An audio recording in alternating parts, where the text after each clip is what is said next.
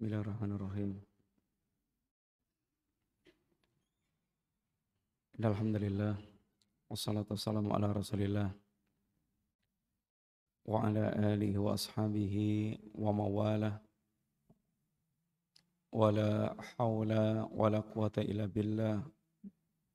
أما بعد. السلام عليكم ورحمة الله وبركاته.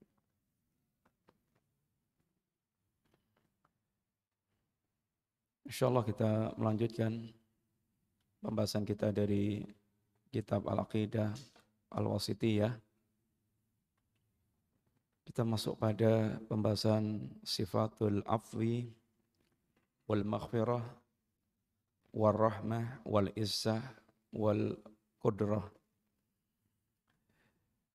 Silakan baca ayatnya. Bismillah, Alhamdulillah, salatu wassalamu ala rasulillah قال المصنف رحمه الله تعالى وقوله إن تبدوا خيرا أو تخفوه أو تعفو عن سوء فإن الله كان عفوا قديرا. وقوله وليعفوا وليصفحوا ألا تحبون أن يغفر الله لكم؟ والله غفور رحيم. وقوله ولله العزة ولرسوله وقوله فبعزتك لأغوينهم أجمعين Ya. Kita sekarang masuk pada pembahasan ayat-ayat yang berkaitan dengan sifat sifat Allah. Di antaranya adalah sifat al-af, sifat al-afwi, sifat pemaaf bagi Allah dibawakan beberapa ayat sifat pemaaf wal maghfirah dan ampunan bagi Allah Subhanahu wa taala. Demikian pula sifat rahmah, izzah dan qudrah. Ada empat ayat yang dibawakan di sini berkaitan dengan sifat-sifat tersebut. Yang pertama, ini firman Allah Subhanahu wa taala tentang sifat al-afu wal qudrah.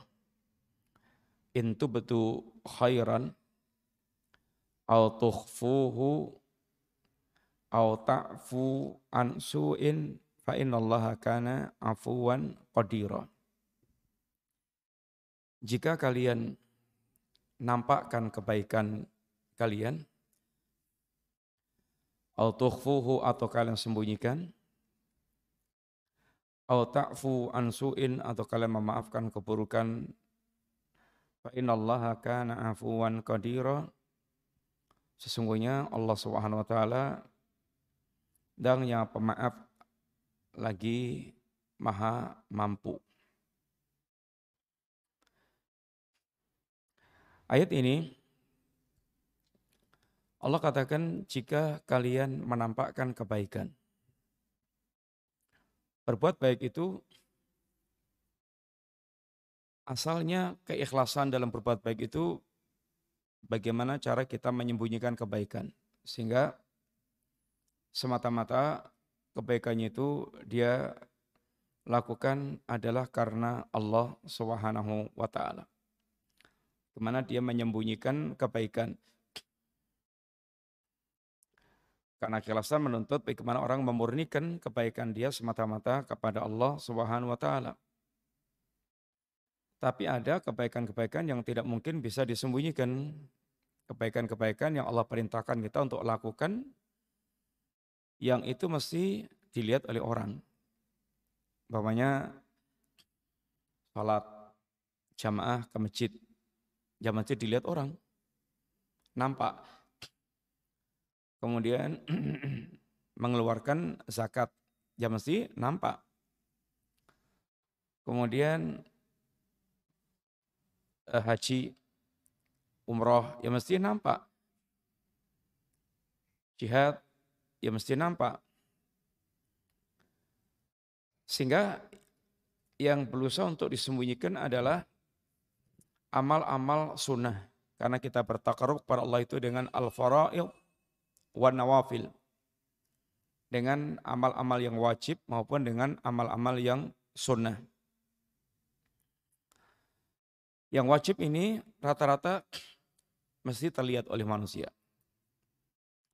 Lah yang nawafil ini yang bisa untuk belajar untuk disembunyikan. Pemanya salat sunnah. Banyak yang bisa disembunyikan. Ya mulai kemudian kopiah kopiah ba'diyah, kemudian ya salat-salat sunnah yang lain, sedekah sunnah, kemudian ya semua hal-hal yang bisa disembunyikan. Dan para salaf, banyak mereka yang belajar untuk menyembunyikan amal kebaikan mereka dengan berharap yaitu betul-betul mendapatkan keridhaan Allah Subhanahu wa taala, memadamkan kemurkaan Allah taala. Ali Ibnu Ali, Ibnu Abi Talib. Ini siapa berarti ikhwan? Ali, Ibnu Ali bin Abi Talib. Eh? Anaknya Ali, Ibnu Ali, Ibnu Ali bin Abi Talib.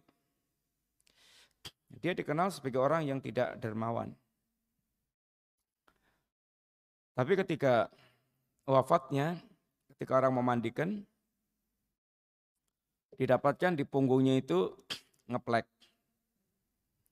Kayak ada kapalnya. Ngapal. Maka ditanyakan oleh orang-orang, orang ini pekerjaannya apa?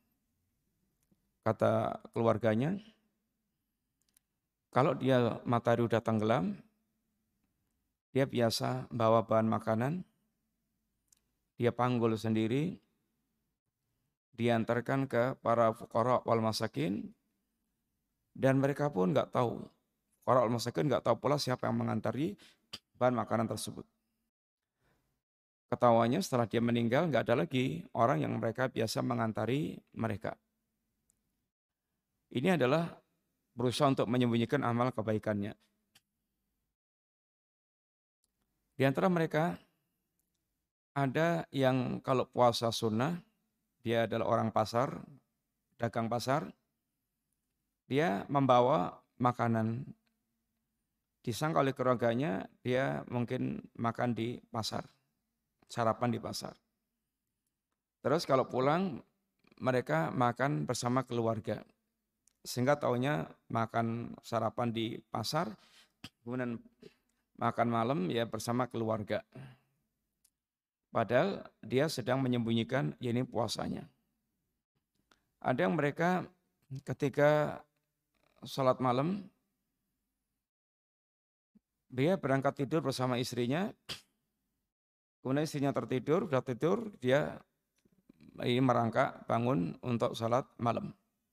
Menjelang subuh dia kembali eh, keranjang tidur bersama istrinya. Kemudian ya subuh bangun sehingga dianggapnya dia baru bangun waktu subuh tersebut. Di antara mereka kalau sedang baca Al-Quran, kemudian temannya datang, maka dia tutup Al-Qurannya, dia sembunyikan, sehingga orang tidak tahu kalau dia sedang baca Al-Quranul Karim. Di antara mereka, kalau mereka baca Quran atau dia mungkin atau ceramah, kemudian tersentak dia mau menangis, dia pura-pura kayak orang yang sedang pilek. Dan yang semisal yang itu. Intinya mereka orang-orang betul-betul belajar untuk bisa menyembunyikan amal-amal mereka yang mereka ingin, seandainya amal itu betul-betul berkualitas di sisi Allah taala. Tetapi menampakkan amal pun juga dibolehkan. Di antaranya ketika ada apalagi ketika ada tujuan. Agar orang mencontoh dirinya. Karena terkadang orang itu dia tergerak beramal ketika dia melihat ada orang lain yang melakukan amal yang serupa. Seperti ketika Nabi menyampaikan hadis mansanna sunatan fil islami sunatan hasanatan mansana fil islami sunatan hasanatan barang siapa yang dia yaitu membuat sunnah yang baik dalam Islam ini kisahnya berkaitan orang yang mereka kita karena memberikan semangat untuk berinfak. Lalu ada orang yang mereka datang dengan membawa ini bahan makanan lalu diikuti yang lain-lainnya. Nabi kemudian nampak gembira. Lalu dikatakan mansana fil islami sunatan hasanatan. Maka ini adalah dalam rangka untuk memberikan contoh. Tetapi amal yang dia nampakkan yang niatnya memberikan contoh ini kawan memang tipis banget dengan orang mereka beramal dalam rangka ria dalam rangka dia untuk mendapatkan pujian yaitu manusia tipis, sama. Penampakan amalnya sama. Memberikan contoh sama, ingin dipuji sama. Maka di sini orang harus betul-betul memperhatikan hatinya. Memperhatikan betul-betul niat hatinya. Ini memiliki perjuangan yang keras untuk bagaimana dia mewujudkan betul-betul keikhlasan di dalam itu dia beramal. Maka ikhlas itu kata para ulama asisun sangat berat. Bahkan sebagian ulama saya sangat ingin sekali menuliskan hadith innamal a'malu biniyat di setiap bab. Di setiap bab yang ditulis dalam rangka untuk mengingatkan tentang ini wajibnya kita untuk betul-betul memperhatikan hati kita, niat keikhlasan kita. Dan ikhlas itu tentu akan sangat berat kecuali orang yang dirahmati Allah akan dimudahkan Allah dan di antara sarana untuk memudahkan orang untuk mewujudkan ikhlas, dua kekuatan yang sangat inti. Apa itu kira-kira kawan? Satu, kekuatan hatinya dalam mengenal Allah Ta'ala. Sehingga tumbuh kecintaan kepada Allah, pengagungan kepada Allah. Maka orang yang seperti ini mewujudkan amal karena Allah itu menjadi gampang, menjadi mudah dia bagaimana betul-betul ada kerinduan kepada Allah Ta'ala. Tapi kalau nggak ada rasa pengagungan kepada Allah, nggak ada kecintaan kepada Allah, nggak ada kerinduan kepada Allah, ya berat. Gimana beramal untuk orang yang untuk beramal yang dia tidak punya harapan. Beda dengan orang yang mereka beramal betul-betul hatinya nyantol dengan Allah Ta'ala, itu untuk ikhlas ya sangat gampang. Yang kedua, kekuatan berkaitan dengan iman kepada yaumul akhir. Sehingga harapan-harapan dia betul-betul adalah akhirat, kampung akhirat. Orang kalau tidak punya harapan kampung akhirat, ya tidak lain kecuali harapannya dunia, pasti. Kalau orang itu harapannya dunia, ya sebab berat, semuanya akan dihargai dengan keuntungan dunia. Apa-apa mesti harus menghasilkan keuntungan dunia, kalau enggak ya berat. Kalau nggak dapat keuntungan dunia itu sepertinya nggak dapat apa-apa. Ini yang membuat dia berat dan malas. Kenapa orang kalau sholat subuh itu banyak yang berat? Ya pertama sedang menikmati tidur, eh, dia bagaimana menikmati tidurnya. Yang kedua itu opo, mangkat subuh harap itu opo, tiga i opo. Sehingga merasa nggak dapat apa-apa ya berat. Beda dengan orang mereka artinya ada kecintaan kepada Allah dan ada orientasi kampung akhirat. Dia akan sangat mudah untuk kemudian mewujudkan apa yang diperintahkan oleh Allah Subhanahu wa taala. Apa pun amal yang Anda nampakkan dari kebaikan-kebaikan atau Anda sembunyikan, itu semuanya Allah akan Allah mengetahui. Allah akan balas. Tidak ada yang tercecer. Tidak ada yang sia-sia. Makanya seorang mukmin beramal itu adalah dia bertransaksi dengan Allah Subhanahu wa taala. Di antara doa meminta keikhlasan apa di antara ikhwan? Doanya gimana? Ada yang punya doa untuk minta keikhlasan enggak? Apa di antara doanya? Doa meminta keikhlasan.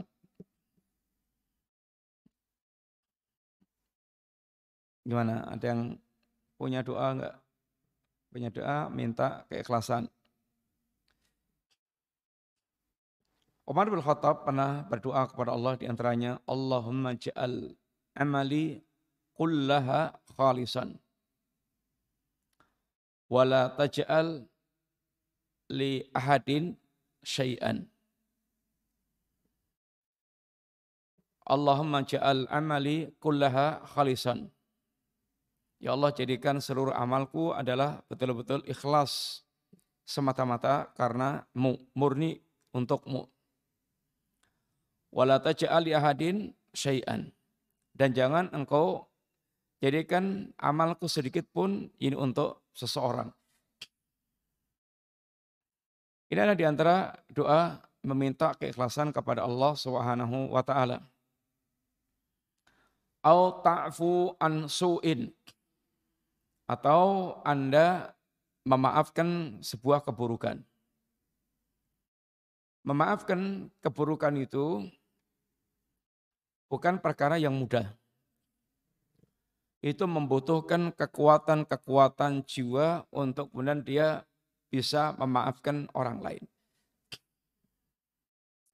Syekhul Islam Ibnu Taimiyah dia memiliki risalah Al-Umur al-mu'inah alal ini al-umur al-mu'inah ala sabri ala adal khalqi atau kira-kira itu judulnya. Perkara-perkara yang bisa menolong seorang untuk bersabar dari gangguan manusia. Dari keburukan-keburukan yang dilakukan oleh orang lain. Disebutkan ada 20 poin. 20 poin yang menunjukkan untuk menjadi pemaaf itu betul-betul membutuhkan kekuatan jiwa yang menjadikan dia kemudian bisa memaafkan orang lain.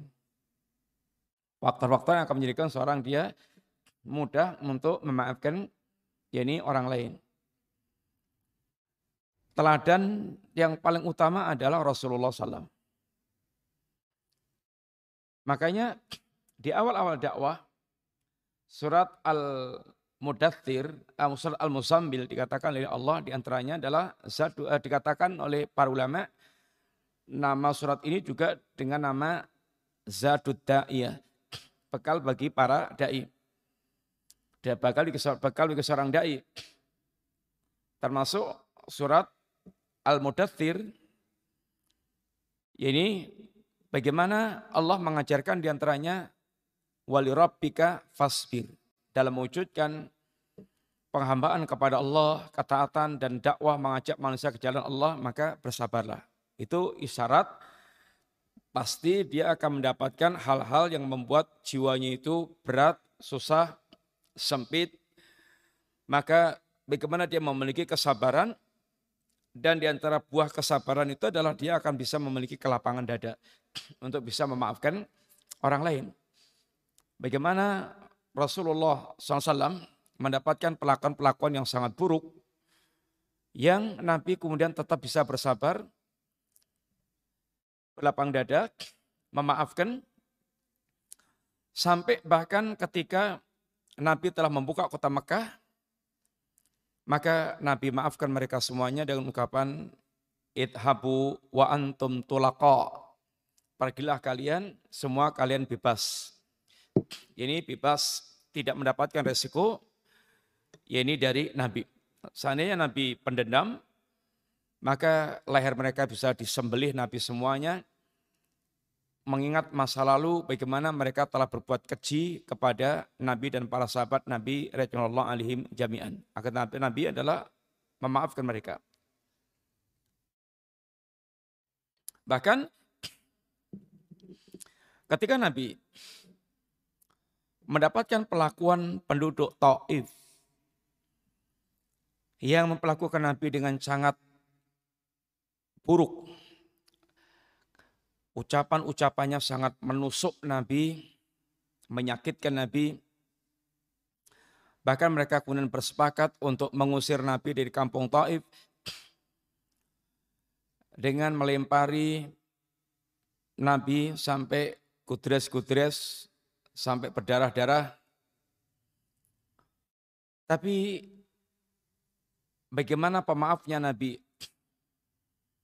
Ketika Malaikat Jibril menaungi Nabi dan menyampaikan apa yang Allah sampaikan, Qad sami'a qaula qaumik ya Muhammad Allah telah mendengar apa yang diucapkan oleh kaummu kepadamu.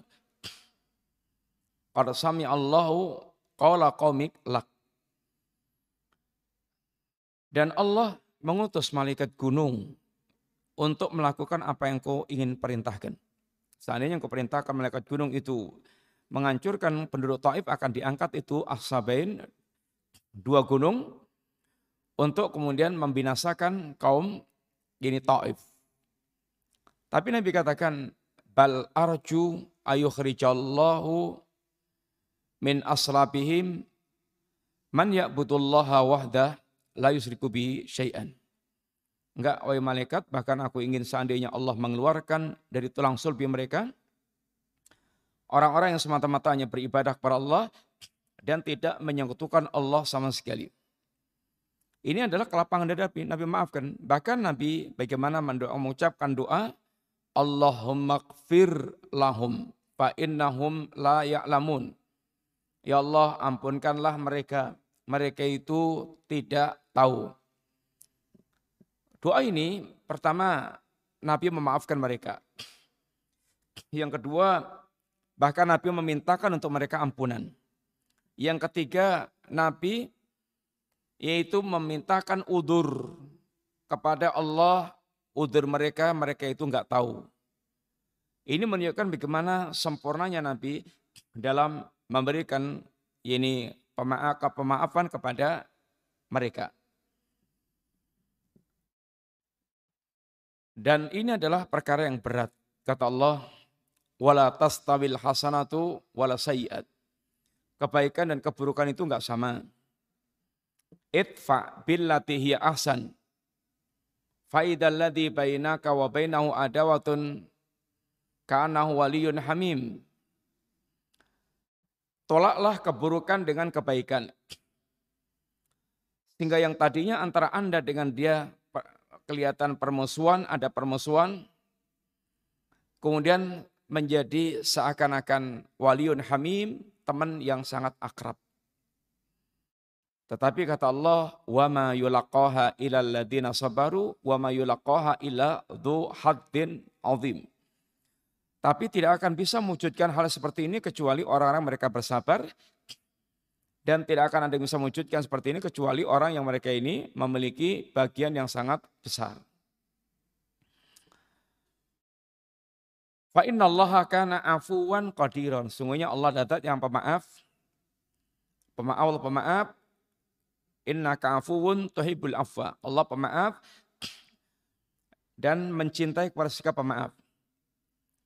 Maka amalan kita ketika Allah dat yang pemaaf ini, ibadah kita yang pertama, setiap kita tergelincir bagaimana kita kemudian segera minta maaf kepada Allah Ta'ala.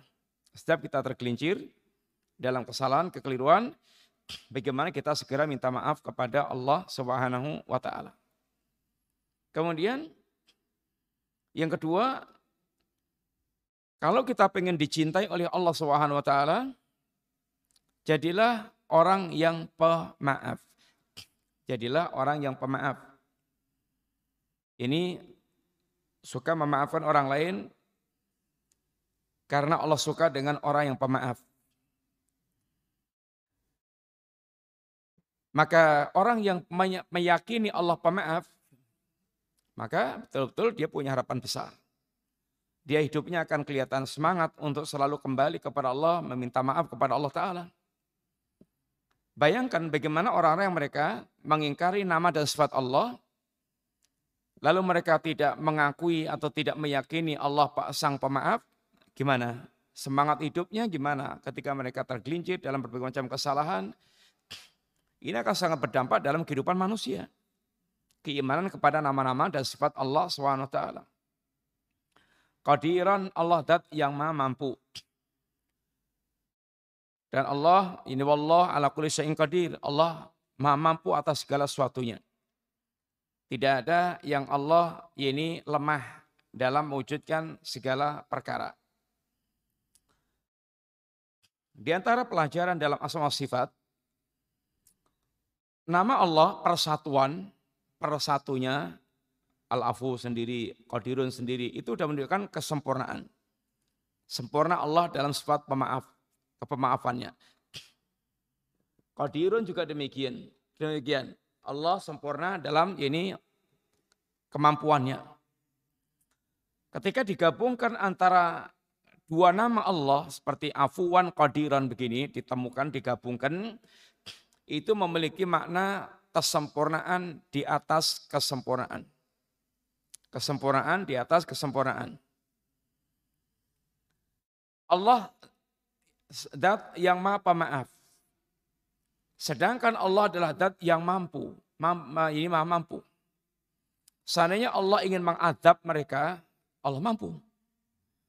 Seandainya Allah ingin ya ini menghancurkan mereka, Allah mampu. Tapi Allah maafkan. Maka kesempurnaan pemaaf itu ketika dia mampu untuk membalas. Namanya ada orang nyengiti banget, jelei, nyengiti banget, jengkelkan. Sedangkan dia untuk menghancurkan orang yang jelei tadi itu, itu sangat gampang banget. Tinggal dipites gitu aja, rampung urusannya itu. Tetapi dia maafkan. Dia maafkan. Dia punya kekuasaan, dia punya kekuatan. Dia punya, pokoknya punya segala-galanya untuk bisa membinasakan orang tersebut. Tapi dia maafkan. Ini adalah kesempurnaan sikap pemaaf. Tapi yang berbuat jahatnya kuwedi, atletis, gotot, medeni, jagoan. Terus dianya kayak rempayek umpamanya. Udahlah tak maafkan aja lah. Ini maafnya karena nggak mampu membalas. Ya baik, tetapi nggak sempurna karena dia nggak mampu membalas. Maka ini adalah kesempurnaan nama Allah ketika digabungkan dengan nama yang lainnya yang menunjukkan memiliki makna kesempurnaan ini di atas kesempurnaan. Ini ayat yang pertama. ayat yang kedua sekarang. Intu betul syai'an. Al-tukhfuhu. Jika Anda nampakkan ini sesuatu atau kalian sembunyikan baik yang baik maupun yang buruk. Dilakukan keburukan itu dengan terang-terangan atau dengan sembunyi-sembunyi. Atau kebaikan dilakukan dengan terang-terang atau sembunyi-sembunyi. Fa Allah kana bikulli syai'in aliman. Allah maha tahu atas segala yang dilakukan oleh manusia. Di antara yang menjadikan binasanya manusia itu karena sangkaannya Allah tidak mengetahui. Tidak mengerti tentang apa yang mereka perbuat. Di yaumul kiamah kelak kata Allah, Wa yawma yuksharu a'da'ullah ila nari fam yusaun. Hatta idha ma ja'uha Sayyidah alaihim sam'uhum wa absaruhum wa julutuhum bima kanu ya'malun. Saat penghuni neraka mereka digiring, dikumpulkan untuk dihalaukan neraka, hingga ketika mereka telah di depan neraka,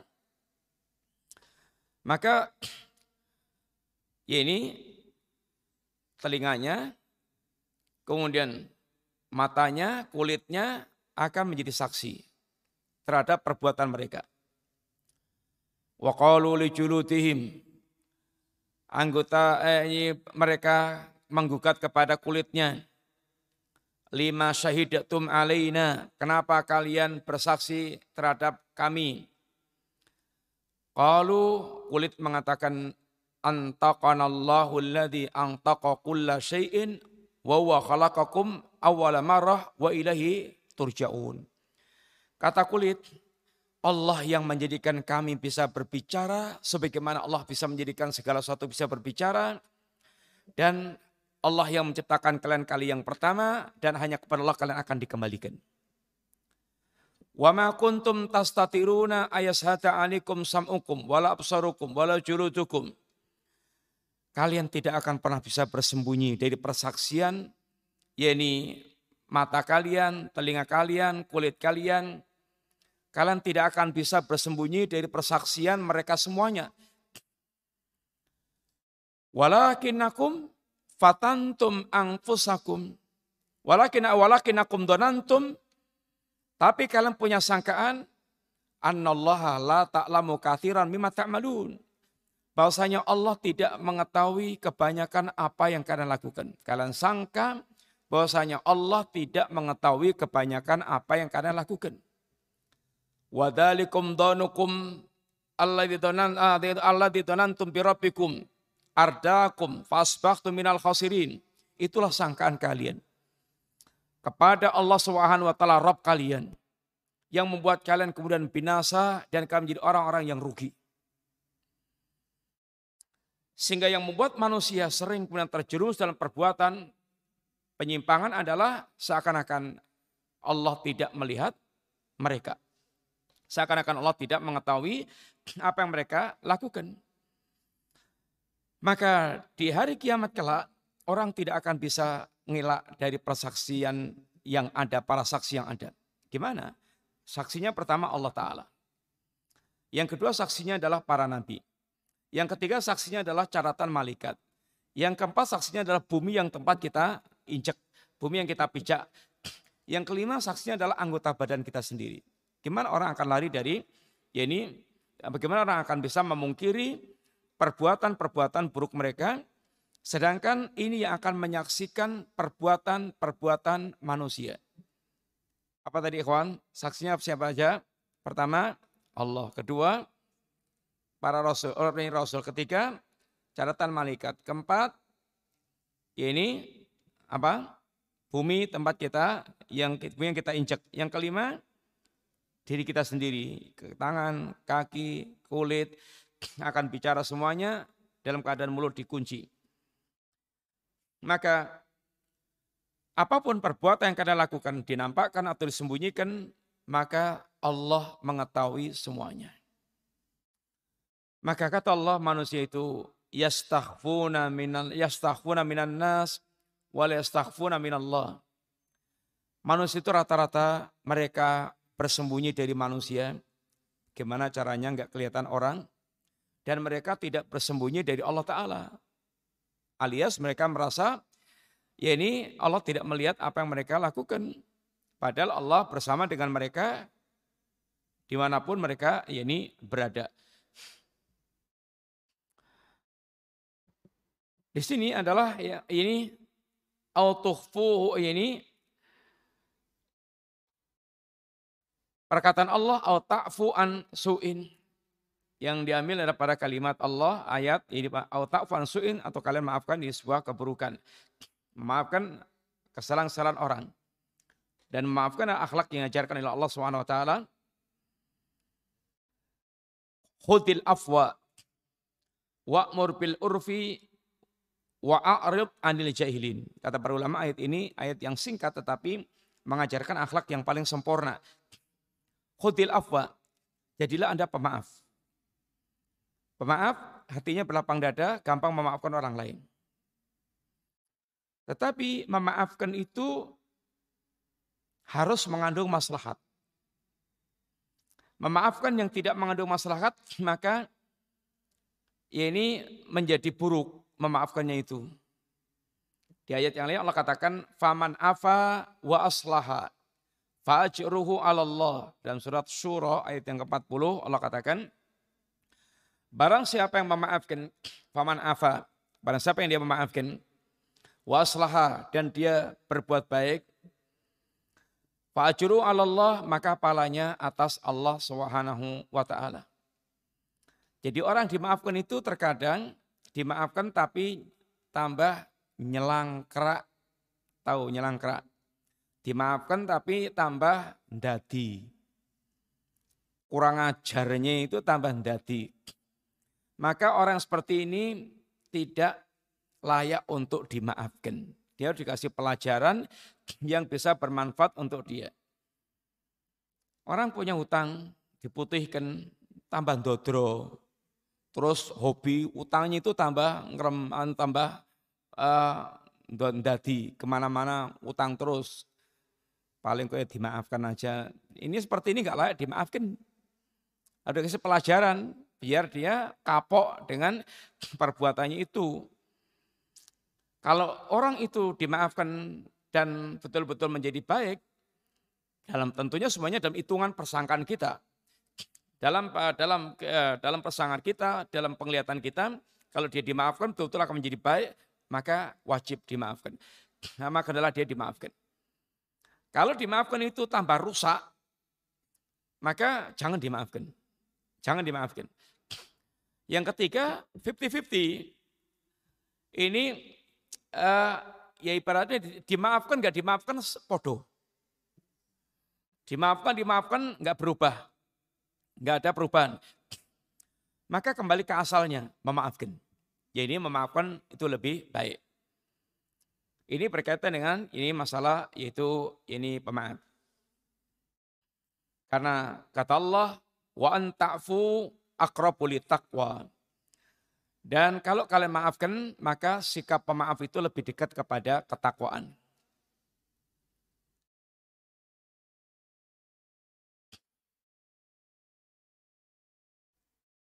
Kemudian ayat yang ketiga.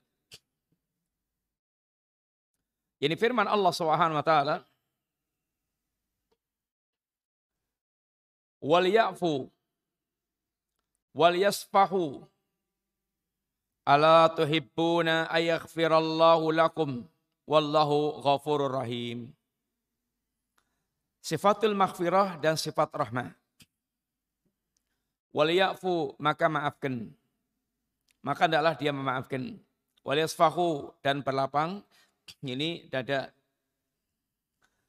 Allah tuhibbuna ayaghfirallahu lakum. Tidak sukakah seandainya Allah memaafkan, mengampunkan kalian, wallahu ghafurur rahim, sedangkan Allah zat yang maha pengampun lagi maha penyayang. Ayat ini kisahnya berkaitan dengan kisah Abu Bakar As-Siddiq. Ketika mendapatkan ujian hadithul ifki apa hadith ifki Kisah dusta. Ini kisah dusta yang berkaitan dengan yang menimpa Aisyah radhiyallahu anha. Kisahnya gimana kisahnya? Gimana? Aisyah gimana ya? Terus?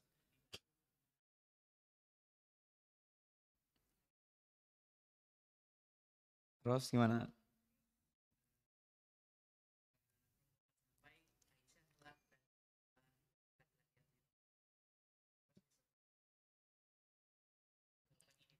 Riwayatnya dari Pak siapa itu? gimana? Kisahnya gimana? Di sebuah safar, biasa Nabi safar dengan para istrinya undi diundi. Siapa yang ikut safar? Di antara yang ikut adalah Aisyah. Saat para sahabat istirahat, kemudian setelah itu sahabat para sahabat berangkat, disangkanya Aisyah sudah masuk sekedup. Sekedup itu yang ini ditanduk itu. Waktu itu Aisyah ya kurus, sehingga ada dan gak adanya itu seperti sama. Dianggapnya sedikit angka sudah ada di dalam. Maka rombongan berjalan sampai kemudian ke Madinah. Aisyah ternyata dia keluar dari sekedup, ada keperluan, dan kemudian datang rombongan sudah pergi. Maka Aisyah pun kembali ke tempat semula, dan termasuknya kecerdasan Aisyah, dengan harapan nanti kalau orang cari-cari, mencarinya ke tempat semula, sehingga ketemu. Jadi kalau bergerak ke tempat lain, nanti kalau nyari ya kehilangan, nggak tahu di mana posisinya itu. Ah, ketika Aisyah sedang dalam keadaan tertidur, ada seorang pemuda namanya Sofwan bin Mu'attal, dia juga ketinggalan. Modelnya kalau tidur itu les. Ada orang kalau tidur itu ada gempa pun nggak bangun. Dia kemudian ketinggalan juga oleh rombongan. Dia ketika jalan begitu, dia melihat Aisyah dan dia kenal. Waktu masih belum turun ayat hijab, dia mengenal Aisyah. Sofwan ini hanya mengucapkan kalimat inna lillahi. Aisyah bangun, kemudian Sofwan tanpa bicara apa pun, ontanya dijerumkan. Aisyah naik onta, kemudian dituntun oleh uh, Sofwan bin Atal tanpa ada pembicaraan apa pun sampai Madinah. Begitu masuk Madinah, orang-orang munafik membuat isu. Isu. Kalau ada wanita muda dan laki-laki muda. Kemudian dia barengan seperti itu, kira-kira apa yang ini dilakukan. Pokoknya dari isu yang samar gitu, gelinding terus sampai menjadi sebuah kesimpulan Aisyah telah berzina dengan Sofan bin Mu'attal. Isu itu begitu, isu itu tambah kental, tambah bulat, tambah kemudian itu dari remeng-remeng, dari kemudian jadi bulat Nah itu membuat susahnya keluarga Nabi dan keluarga Abu Bakar As-Siddiq. Terus isu itu terus eh, berkembang. Apalagi kalau orang yang suka angkringan, ngobrol-ngobrol, ngumpul-ngumpul, wah sudah. Isu terus nyebar bet gitu aja ke mana-mana. Apalagi zaman sekarang medsos gitu, begitu antum melemparkan isu, ditangkap oleh medsos, sak dunia langsung sekejap mata bisa mendengar isu tersebut. Isu yang tadinya samar gitu terus tambah dibumboni, bumboni, dari, dari sedep banget. Sehingga betul-betul menjadi sebuah isu yang super miring. Aisyah sendiri di rumah nggak tahu. Kalau di luar diisukan sedang berzina atau di, di, berzina dengan seorang yakni wanita. Ketahuan itu ketika Aisyah ya ini keluar ada kebutuhan, kemudian ibunya Sofan bin Mu'attal ya ini cerita tentang isu tersebut. Di antara sahabat eh, ibunya ibunya Mistah. Mistah itu masih punya perkerabatan dengan Abu Bakar Siddiq. Dan Mistah ini adalah miskin. Sehingga tanggungan nafkahnya oleh Abu Bakar. Abu Bakar yang terus ngasih nafkah kepada Mistah. Dan Mestah ini termasuk peserta perang badar. Ya soleh, baik. Tapi Mestah terlibat penyebaran berita. Termasuk yang ikut menyebarkan berita ini Aisyah adalah Mestah. Begitu ketahuan Mestah ikut menyebarkan berita ini, wah langkah marahnya Abu Bakar As-Siddiq. Wis diupeni, wis dinafkahi, wis dijamin kehidupannya, Terus tegel-tegeli, tegel-tegeli. Dia ikut menyebarkan berita tentang berita super miring tentang Aisyah. Rodhanha apalagi Aisyah adalah dikenal wanita yang ini solihah dan istri Nabi. Dan orang munafik membuat isu itu sesarnya bukan semata-mata Aisyah, tapi adalah kepada bidikannya kepada Rasulullah SAW. Oleh karena itulah, apalagi di zaman masa sekarang ini, jangan kita yaitu mengambil sumber beritanya, sanatnya dari medsos. Apalagi modelnya framing, framing, di framing, framing, di framing, framing, gudak gadukan, kemudian eh, dikasih judul, disapa, seruat. Sehingga harus betul-betul sangat hati-hati yaitu dalam menukil berita. Dan jangan juga jangan, jangan jadi tukang share. Seakan-akan dia pengen jadi jagoan, orang pertama kali yang nge-share sesuatu. Ya mesti dia harus betul uh, pastikan dulu. Berita-berita akan dia share harus dia pastikan dulu dan itu pun kalau sudah pasti dipikir lagi ada maslahatnya atau enggak. Ada maslahatnya atau enggak. Sehingga orang mukmin itu betul-betul pikirannya yaitu di depan. Dia selalu berusaha untuk itu merenungkan, memikirkan dampak-dampak yang akan ini terjadi. Maka Abu Bakar dia yaitu mau memutus memutuskan nafkahnya kepada Mistah sebagai bentuk kemarahan Abu Bakar kepada ini Mistah. Maka diingatkan oleh Allah Subhanahu wa taala dengan ungkapan wal ya'fu wal yasfahu alla tuhibbuna ayaghfirallahu lakum. Hendaklah memaafkan, hendaklah dia berlapang dada. Tidak sukakah dia seandainya Allah mengampunkan?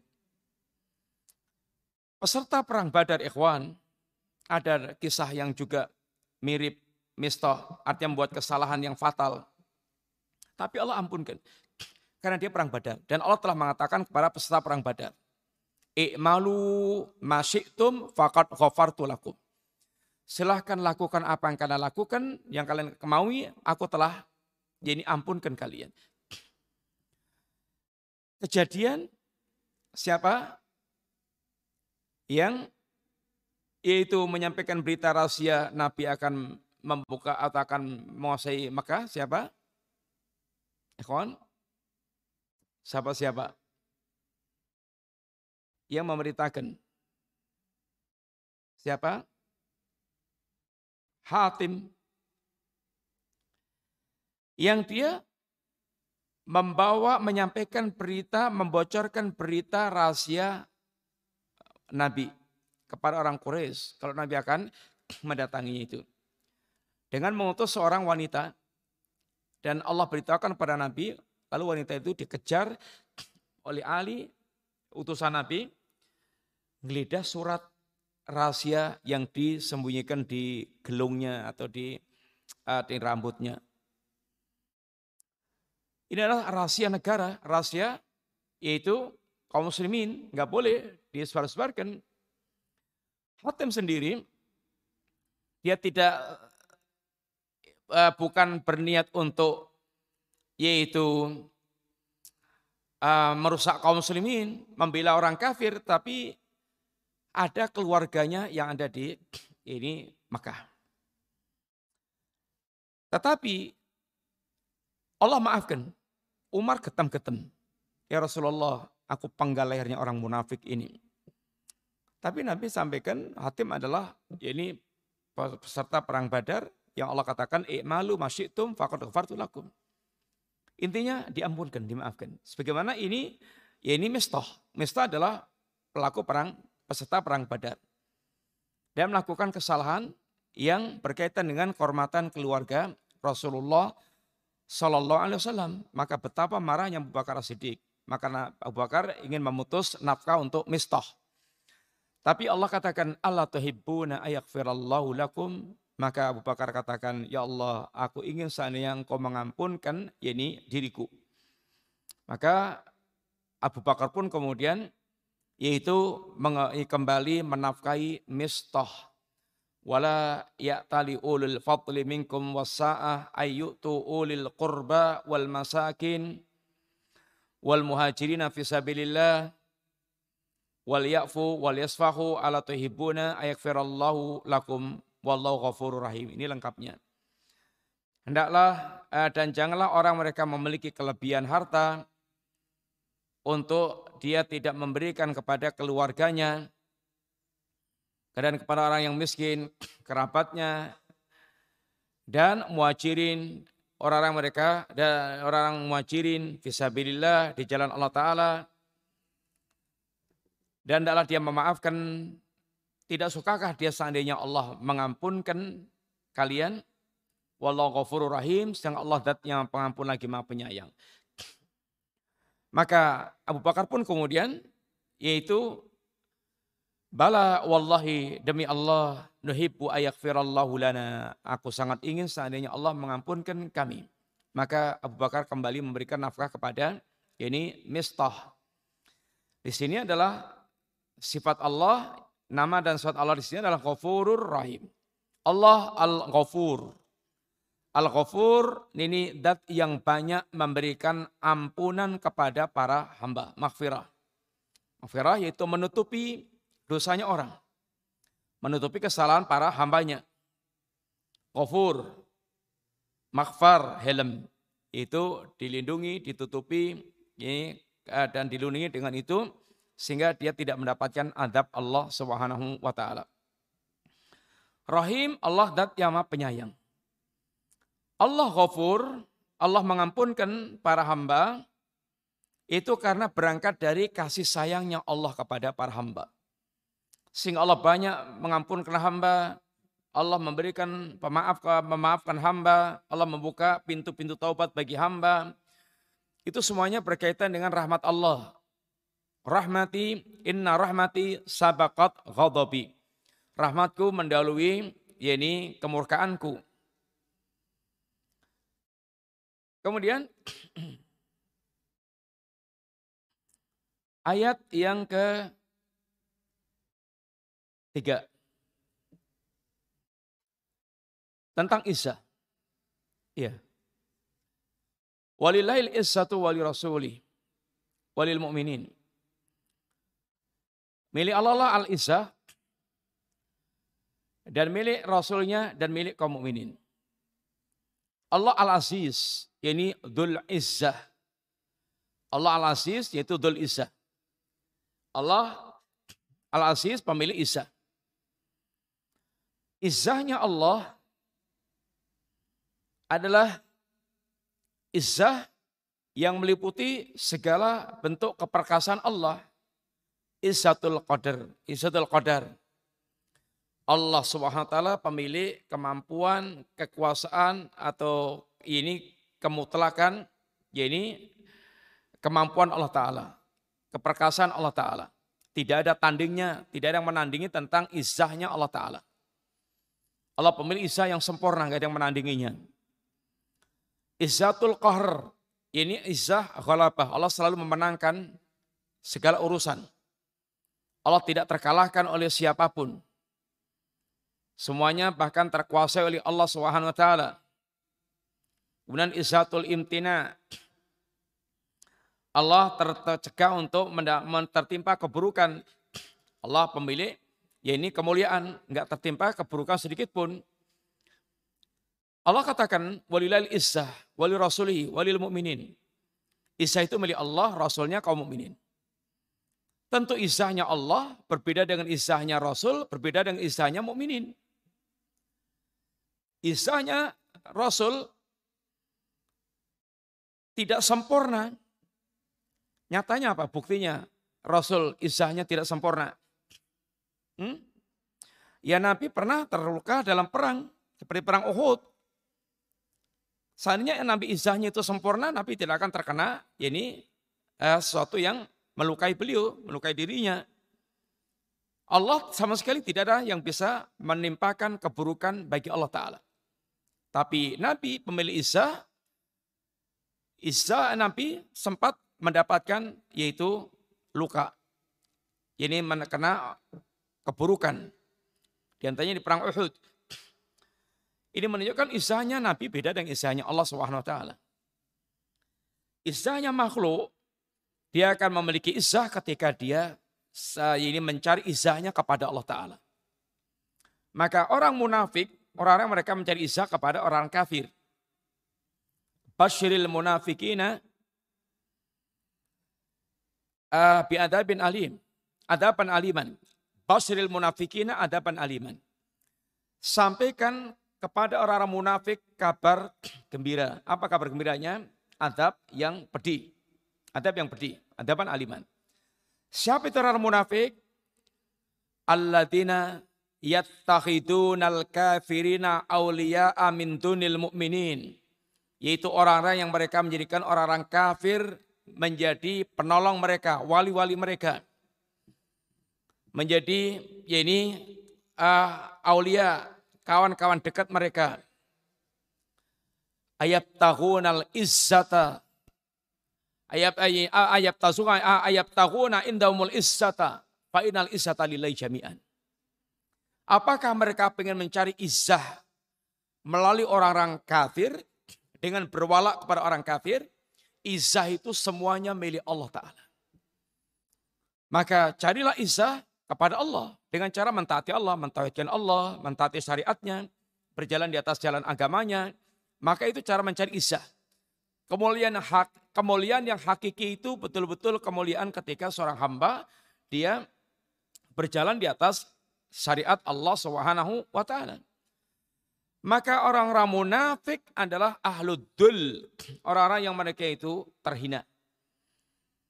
Mereka mencari kemuliaan melalui orang-orang kafir. Adapun orang-orang mukmin adalah betul-betul pemilik isah yang hakiki. Isahnya seorang mukmin adalah karena mereka itu yaitu senantiasa mentaati Allah Subhanahu wa taala. Isah yang tidak dicari dengan cara mentaati Allah, tidak menjadi hamba Allah adalah isah yang palsu. Isah yang palsu. Isah yang palsu. Maka Nabi tegaskan ini cuilat adzillah wa sighar ala man khalafa amri. Hinaan itu akan didapatkan oleh orang yang mereka menyelisih ini perkaraku.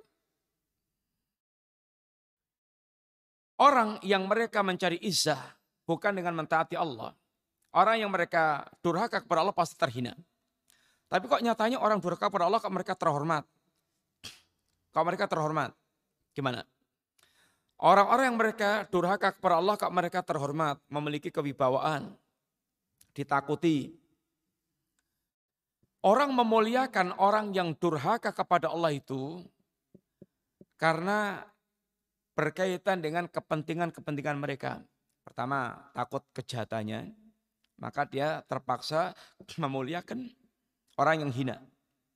Yang kedua, karena butuh duitnya, butuh hartanya, dan kecipratan biar dia mendapatkan yaitu dari mereka maka jadi penjilat-penjilat ini menjadi penjilat-penjilat orang yang sungguhnya hina. Atau dia menginginkan jabatannya yang dia inginkan, maka ini semuanya menyebabkan mereka memuliakan orang yang sungguhnya hina. Makanya orang seperti ini kalau udah hilang duitnya, jadi kiri. Tadinya juga belegedu, wes, wong anggar ketemu jilati, sak jempol-jempolnya dijilati semuanya. Itu begitu melarat jadi kiri, orang ini akan dibuang di tong sampah. Enggak ada lagi, ya ini harga dirinya lagi. Karena menghormatinya karena duit, karena harta. Beda dengan orang mereka terhormat karena ketaatan kepada Allah. Mau kaya, mau miskin, maka orang ini tetap akan dihormati karena mereka menghormatinya adalah karena ketaatannya kepada Allah Ta'ala. Ulama, ulama walaupun mungkin miskin, maka manusia akan tetap menghormati ulama yang mereka betul-betul istiqamah di atas agama Allah Subhanahu wa taala. Karena ini izah mereka izah yang hakiki. Izahnya mukmin, izah ini karena mentaati Allah dan Rasulnya. Sehingga hakikat izah itu ketika seorang dia betul-betul berada di atas agama Allah Ta'ala. Sehingga sifat Allah Al-Aziz, ya Allah Al-Aziz, Dul Izah. Dan insya Allah meliputi tiga tadi. Apa tadi ikhwan? Isa. Isa pertama. Isa Qadar. Kemudian Isa Kohar. Kemudian Isa Imtina. Isa Qadar maksudnya apa? Isa yang tidak ada tandingnya. Allah pemilik Isa yang tidak ada menandinginya. Tidak ada tandingnya, tidak ada yang bisa menandingi Isanya Allah Ta'ala. Isa Aqahar, Allah selalu memenangkan urusan. Allah selalu dalam keadaan yaitu mengalahkan segala perkara, memenangkan, tidak terkalahkan. Kemudian Isa imtina ini Allah ter ini Allah tidak akan bisa tertimpa ini marabaya sedikit pun. Adapun Rasul pemilik Isa, tapi Isanya Rasul nggak seperti Isanya Allah. Di antaranya seperti terkena marabaya ketika ini perang Uhud. Dan Isanya mukmin tentu juga berbeda lagi. Isanya mukmin adalah ini semata-mata Isanya dibangun di atas ketaatan kepada Allah dan ketaatan kepada Rasulnya. Sekarang ayat yang keempat. Ayat keempat. Fabi issatik la ukhwiyanahum ajma'in. Berkata Isanya Allah pula, dengan bersumpah, ya, iblis bersumpah, demi izahmu ya Rob, demi izahmu ya Allah. Ini iblis mengakui Allah dan bahkan mengakui izahnya Allah SWT. Maka orang mereka tidak mengenal izahnya Allah itu lebih jelek dibandingkan dengan iblis. Iblis saja mengenal keagungan Allah Ta'ala. Orang tidak mengenal keagungan Allah itu lebih rendah dibandingkan dengan iblis. Iblis mengenal keagungan Allah Ta'ala. Lauh naum ajma'in. Benar-benar akan aku sesatkan mereka semuanya tanpa kecuali. Mau yang ulama apalagi jualanya. Maka selama masih hidup nggak ada tidak boleh ada yang merasa selamat dari upaya penyesatan setan. Setan akan menyesatkan manusia dengan segala cara dengan segala cara dan kepada siapa pun. Imam Ahmad bin Hambal di tengah-tengah sadar dan tidak sadarnya tahu-tahu mengucapkan kalimat bahkan ketika ditalkin oleh sang anak untuk mengucapkan kalimat la ilaha illallah tahu-tahu sang Imam Imam Ahmad mengucapkan kalimat la ba'du la ba'du. Tentu ini sangat mengherankan. Ditalkin mengucapkan kalimat la ilallah, kok kemudian justru yang keluar la ba'du enggak, enggak setelah ini, enggak setelah ini. Ketika sadar ditanya, ayah kenapa engkau tadi mengucapkan kalimat itu? Nah, iblis datang kepadaku dan mengucapkan tanim, wahai Ahmad, engkau telah selamat dariku. Kalimat ini Imam Ahmad tahu. Ini kalimat yang iblis ingin supaya memasukkan ujub. Supaya Imam Ahmad merasa hebat, ujub. Maka kata Imam Ahmad, lah enggak, bak setelah ini, setelah ini baru akan ini selamat. Ini adalah pentingnya seorang memiliki akidah yang lurus. Sehingga tidak akan tertipu dengan tipuan-tipuan ini seperti iblis dan e, semisalnya. Iblis bersumpah untuk untuk yaitu menipu manusia, menyesatkan manusia dari segala arah. Maka dikatakan umma la'at yana min baini aitim wa min khalfi ma'an syama'ilihim wa an aimanihim wa an wala tajidu aktarum syakirin. Iblis bersumpah akan kami datangi, betul-betul akan kami datangi di arah kanannya, kirinya, depan, arah depannya, belakangnya, kanannya, kirinya. Yang para ulama menyebutkan di antaranya dari arah depan, belakang, kanan, kiri. Yang pertama, manusia dilupa, dibuat lupa dengan kampung akhiratnya. Sehingga kalau udah hidupnya itu nggak mikir kampung akhirat, maka dia merasa nggak bertanggung jawab apa pun dengan perbuatannya di hadapan Allah Ta'ala kelak. Akan gelinding, berbuat itu akan gelinding bebas sak gelemi dewi. Semaunya sendiri. Dia merasa nggak ada pertanggungjawaban, sing penting pokoknya ora konangan neng dunyo, gitu aja. Yang kedua, manusia akan dibuat tergila-gila dengan urusan dunia, sehingga maftun dengan dunia Orang kalau sudah tergila-gila dengan dunia, gila dunia, ya sudah menjadi budak-budak dunia. Menjadi penyembah-penyembah dunia. Dia akan siap korbankan apa pun demi dunia. Yang ketiga, setan akan membuat berat. Ya ini terasa, semua amalan-amalan ketatan itu berat. Akan digambarkan dibisikkan setan, bisikan-bisikan yang memberatkan dia dalam beramal soleh. Sehingga kalau mau beramal soleh itu dikasih tahu ngau nanti gini gini gini gini orang mau seperti dalam riwayat orang mau masuk Islam kamu masuk Islam? Kamu mau meninggalkan agama kakak moyang kamu? Nanti kamu dicela oleh ini manusia ini manusia yang ada. Masuk Islam. Kemudian mau hijrah di berat-berati lagi. Kamu mau hijrah kamu tinggalkan tempat kelahiranmu. Kamu jadi kiri, nggak punya apa-apa nanti di tempat hijrahmu. Dan seterusnya. Intinya pokoknya setiap kebaikan akan dihalangi oleh syaitan. Sehingga menjadi berat. Tapi kalau untuk maksiat, itu seperti nggak pakai mikir. Kayak watung gelinding. Sehingga dia begitu sangat tertariknya dengan maksiat. Sehingga kalau udah pengen maksiat itu kayak yaitu kemudu, ndang kelakon ojo ditunda-tunda, nggak pakai mikir, nggak pakai mikir. Maka di sini adalah menerangkan tentang ini Allah Dul Izzah. Ini Allah pemilik Izzah. Bahasanya Allah Subhanahu wa taala dat yang memiliki Izzah. Dan Izzah Allah adalah Izzah yang ya ini sempurna eh, tersebut. Sehingga dari ayat yang telah kita bahas tadi, ikhwan, di antara faedah masalahiyahnya, yang pertama pada sifat Allah al-afu, maka hendaknya seorang hamba dia senantiasa minta maaf kepada Allah ketika dia tergelincir. Karena Allah yang mampu untuk memaafkan perbuatan para hamba, terus para hamba senantiasa minta maaf kepada Allah dan bagaimana dia berakhlak menjadi pemaaf. Dan, dan supaya Allah mencintai dia karena Allah mencintai siapa pemaaf. Kemudian yang kedua, sifat Allah Allah adalah Al-Aziz, Dul Izzah. Maka ketika kita mengetahui Allah adalah Azizun, Allah pemilik Izzah,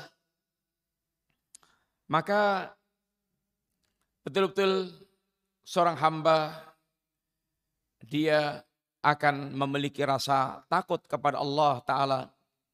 Allah dat yang mampu untuk mewujudkan segala apa yang Allah yang diinginkan apalagi kepada orang durhaka kepada Allah sehingga muncul perasaan ini takut kepada Allah Subhanahu wa taala. Dan takut melakukan muamalah-muamalah yang akan menimbulkan Allah memerangi dia seperti riba yang tidak mungkin dia akan bisa mengalahkan peperangannya dengan Allah Subhanahu wa taala. Sehingga bagaimana dia menjadi hamba yang terhindar dari ini diperangi oleh Allah taala. Orang mereka diperangi Allah, jelas mereka akan ini binasa. Ini ikhwan yang kita pelajari pada malam ini sifat Allah, ini Allah Al-Afuwu.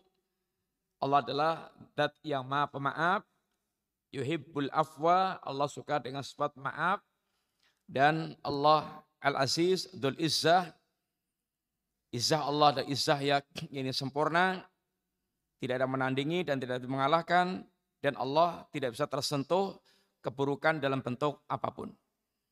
Demikian, mudah-mudahan manfaat. Ya. Demikian ikhwan dan akhwat, mudah-mudahan manfaat. Jazakumullah khair. Wassalamualaikum warahmatullahi wabarakatuh. Subhanakallahumma wa bihamdika asyhadu an la ilaha illa anta astaghfiruka wa atubu ilaik. Assalamualaikum warahmatullahi wabarakatuh.